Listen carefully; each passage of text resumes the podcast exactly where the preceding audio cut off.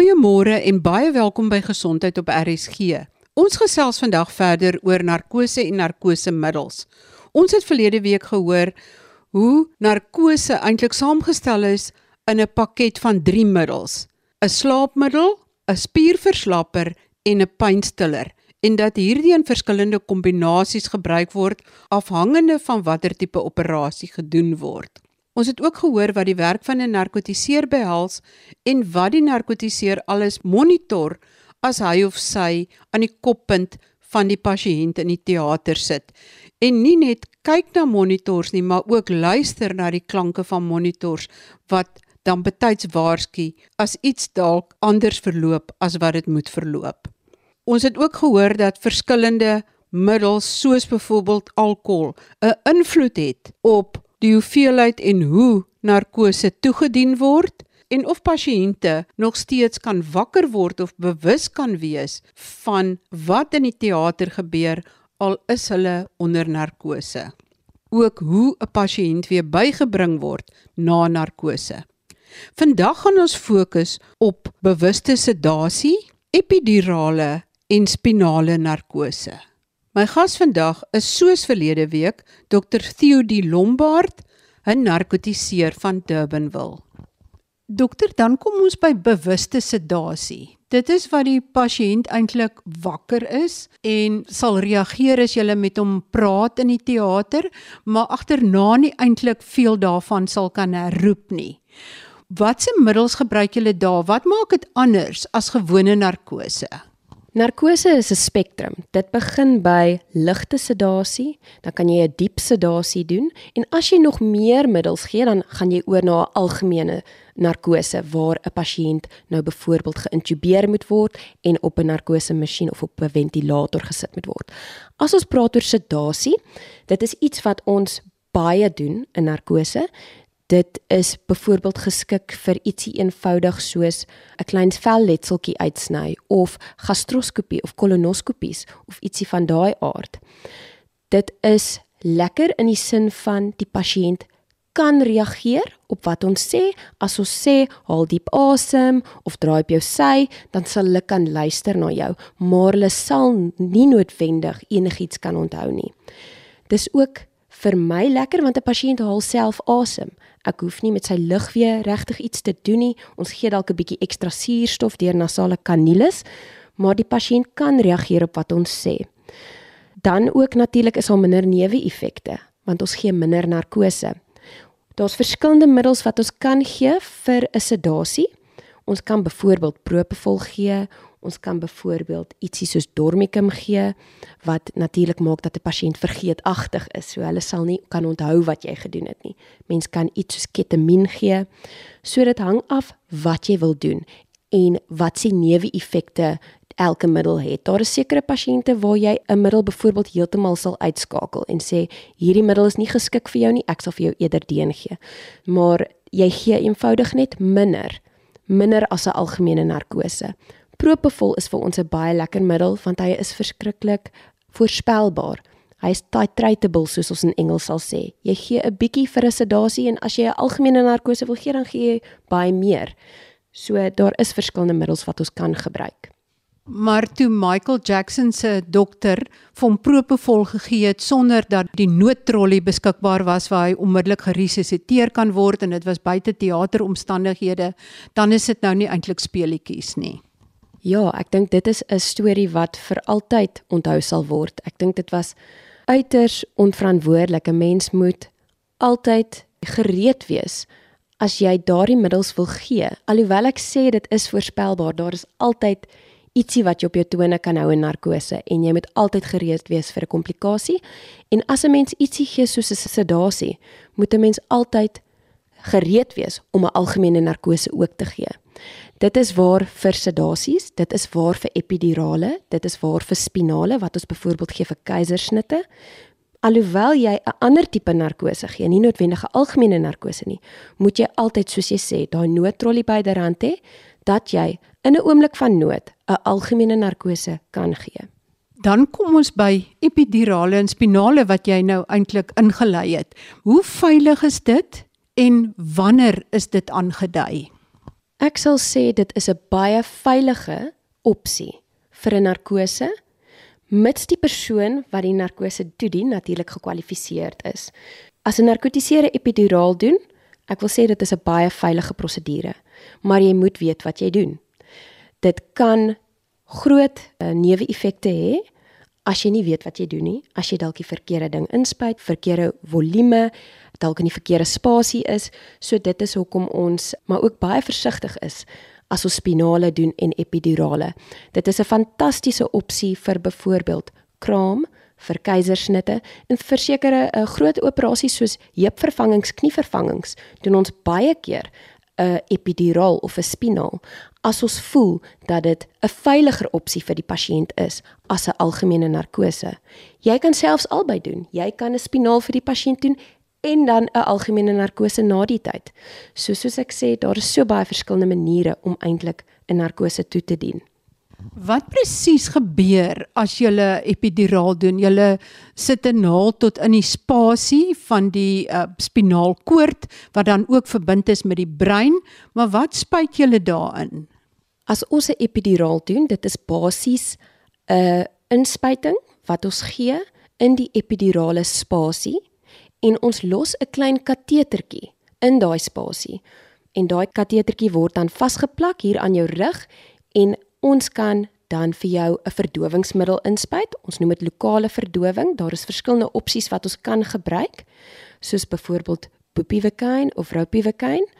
En dan spuit ons dit in bietjie vir bietjie tot ons gelukkig is met die vlak wat ons bereik.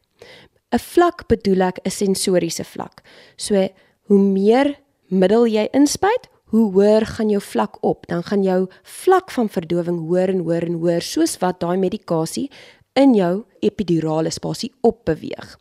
Hoe minder ons gee, hoe laer gaan jou vlak wees. Die probleem net met 'n epiduraal is as jy ietsie ingespuit het, jy kan dit nie weer uitkry nie. So ons spuit bietjie vir bietjie in, moniteer jou vlak en sien of ons gelukkig is. Daai katetertjie kan dan ingelos word vir dae om jou pyn te beheer as jy byvoorbeeld 'n groot operasie gehad het. Dit is nou weer anders as 'n spinaal wat vrouens kry as hulle kom vir 'n keisersnit. Daai spinaal is in 'n bietjie van 'n ander spasie, nie in die epidurale spasie nie.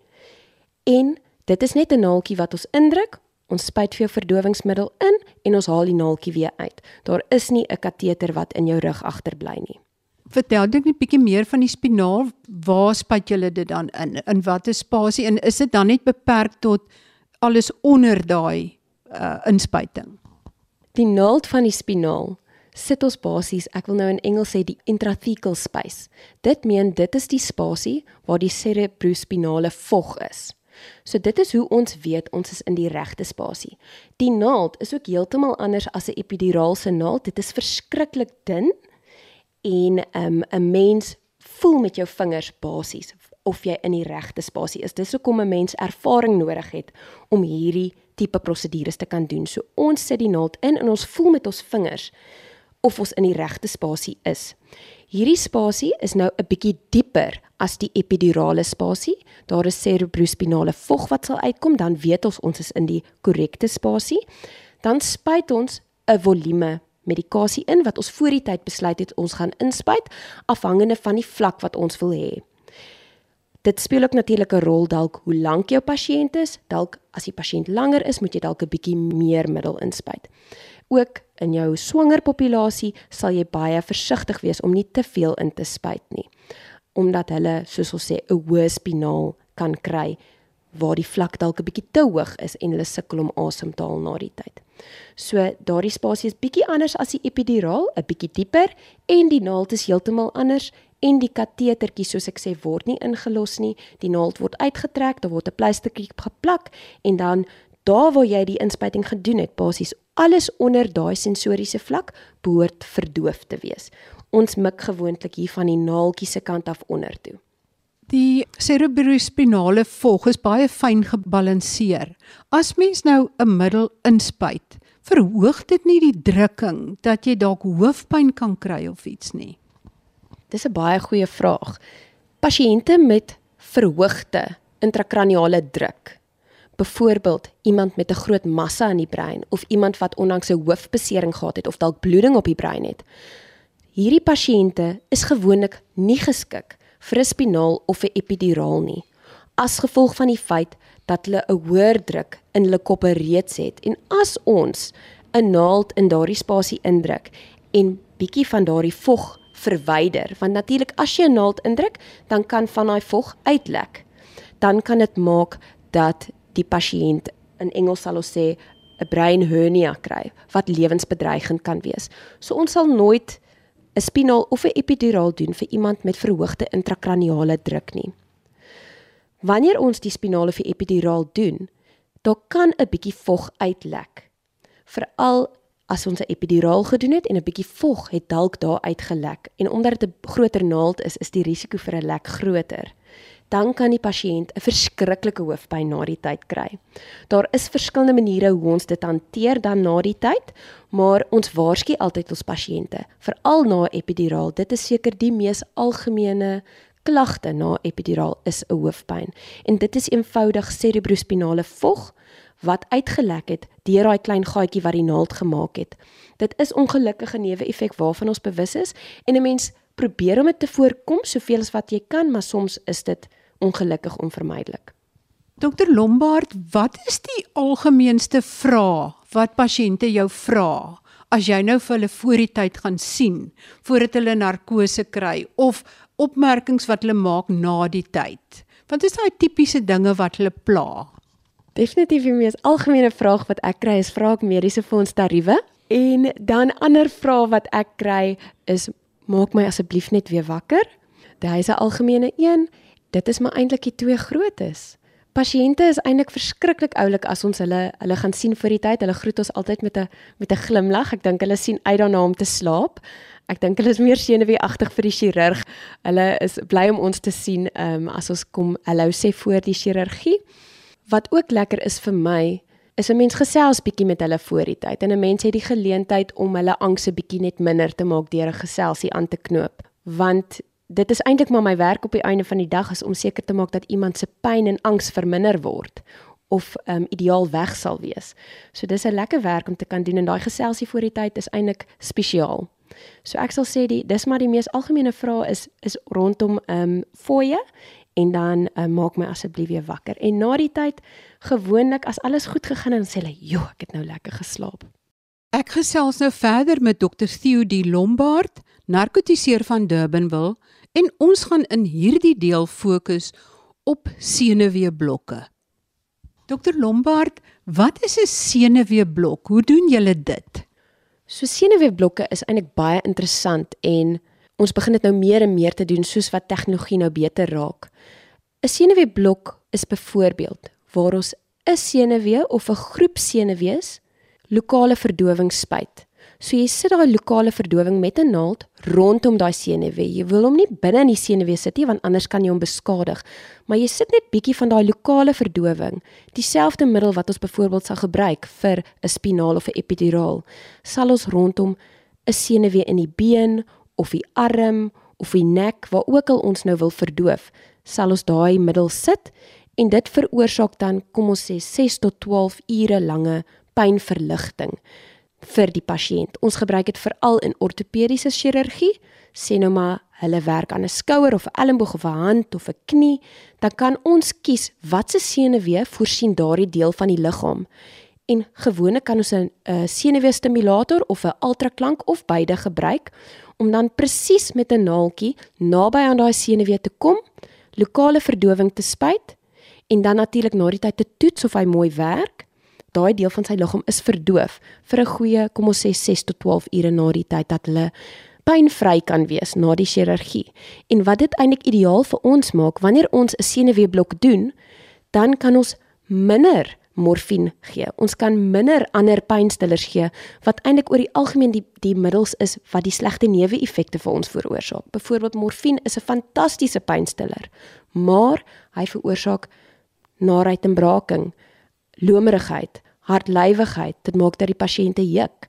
So hy het 'n klomp neeweffekte en deur dan senuweeblokke te doen, kan ons daardie dosering van morfine omtrent halveer.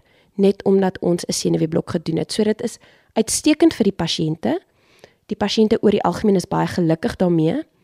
Die chirurge is gelukkig daarmee en dit is net 'n fantastiese nuwe deel van narkose wat wat nou meer en meer algemeen beoefen word. Sou jy sê met al hierdie nuwer wendings dat narkose en die toepassing van narkose het veiliger geword maar ook meer doeltreffend oor die afgelope 30 jaar. Definitief en die tegnologie verander so vinnig baie van my kollegas wat nou ouer is, hulle lag en sê nee, wat hulle ek weet nie eens hoe om daai ding of die ding te gebruik nie. Hulle het nie getrein met dit nie. Hulle het dit nie gehad toe hulle gestudeer het nie.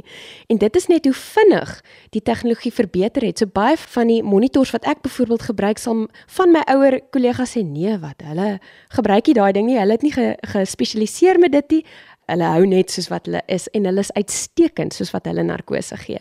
Maar ek is dankbaar vir al die tegnologie wat nou beskikbaar is.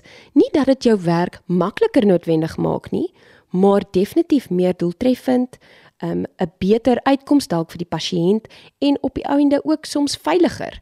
So dit is vir my fantasties om te sien hoe vinnig die tegnologie kan verbeter. En interessant, nou die dag hoor ek 'n berig oor die ag beroepe wat AI nie sal kan uitskakel nie. En narkose was een van hulle. So ek is baie dankbaar dat AI nie my werk van my af sal wegvat in die toekoms nie. Ek dink mense is baie keer onnodig bang vir AI want die mens bly die mens. Maar Theodie kyk as mens gaan spesialiseer, jy's eers 'n algemene praktisyn of jy doen jou MBCAB en dan besluit jy jy doen jou twee hospitaaljare, jy doen jou ComServe jaar, jou gemeenskapsdiensjaar wat die arme dokters ook maar vir die wolwe gegooi word, een kant ver in 'n hospitaal alleen sonder eintlik ondersteuning. Maar dan spesialiseer jy. Maar eintlik kies die spesialis rigting. Kies die persoonlikheid en die persoonlikheid kies die spesialis rigting. Nou patoloog wil nie eintlik met lewendige mense werk nie en radioloog wil eintlik maar net meestal op hulle skerms kyk. Maar 'n narkotiseer het te doen met 'n pasiënt se slaap. Jy het net 'n bietjie te doen voor die tyd. Hoekom het jy spesifiek narkose gekies? Ek het spesifiek narkose gekies want ek sê altyd vir mense dis die lekkerste werk op die planeet. My werk is basies om mense se pyn en angs weg te vat. Wat kan nou beter as dit wees? En ek moet sê ek is nie soos 'n chirurg of 'n 'n GP wat noodwendig jou oor 6 weke weer wil sien en opvolgafsprake. Dis vir my baie lekker om 'n kort interaksie met jou te hê, maar hopelik 'n baie positiewe een. En wat ook soos 'n persoonlikheidstipe nou is, Jy sal sien meeste narkotiseers is verskriklik puntenerig. Ons sê ons is OCD.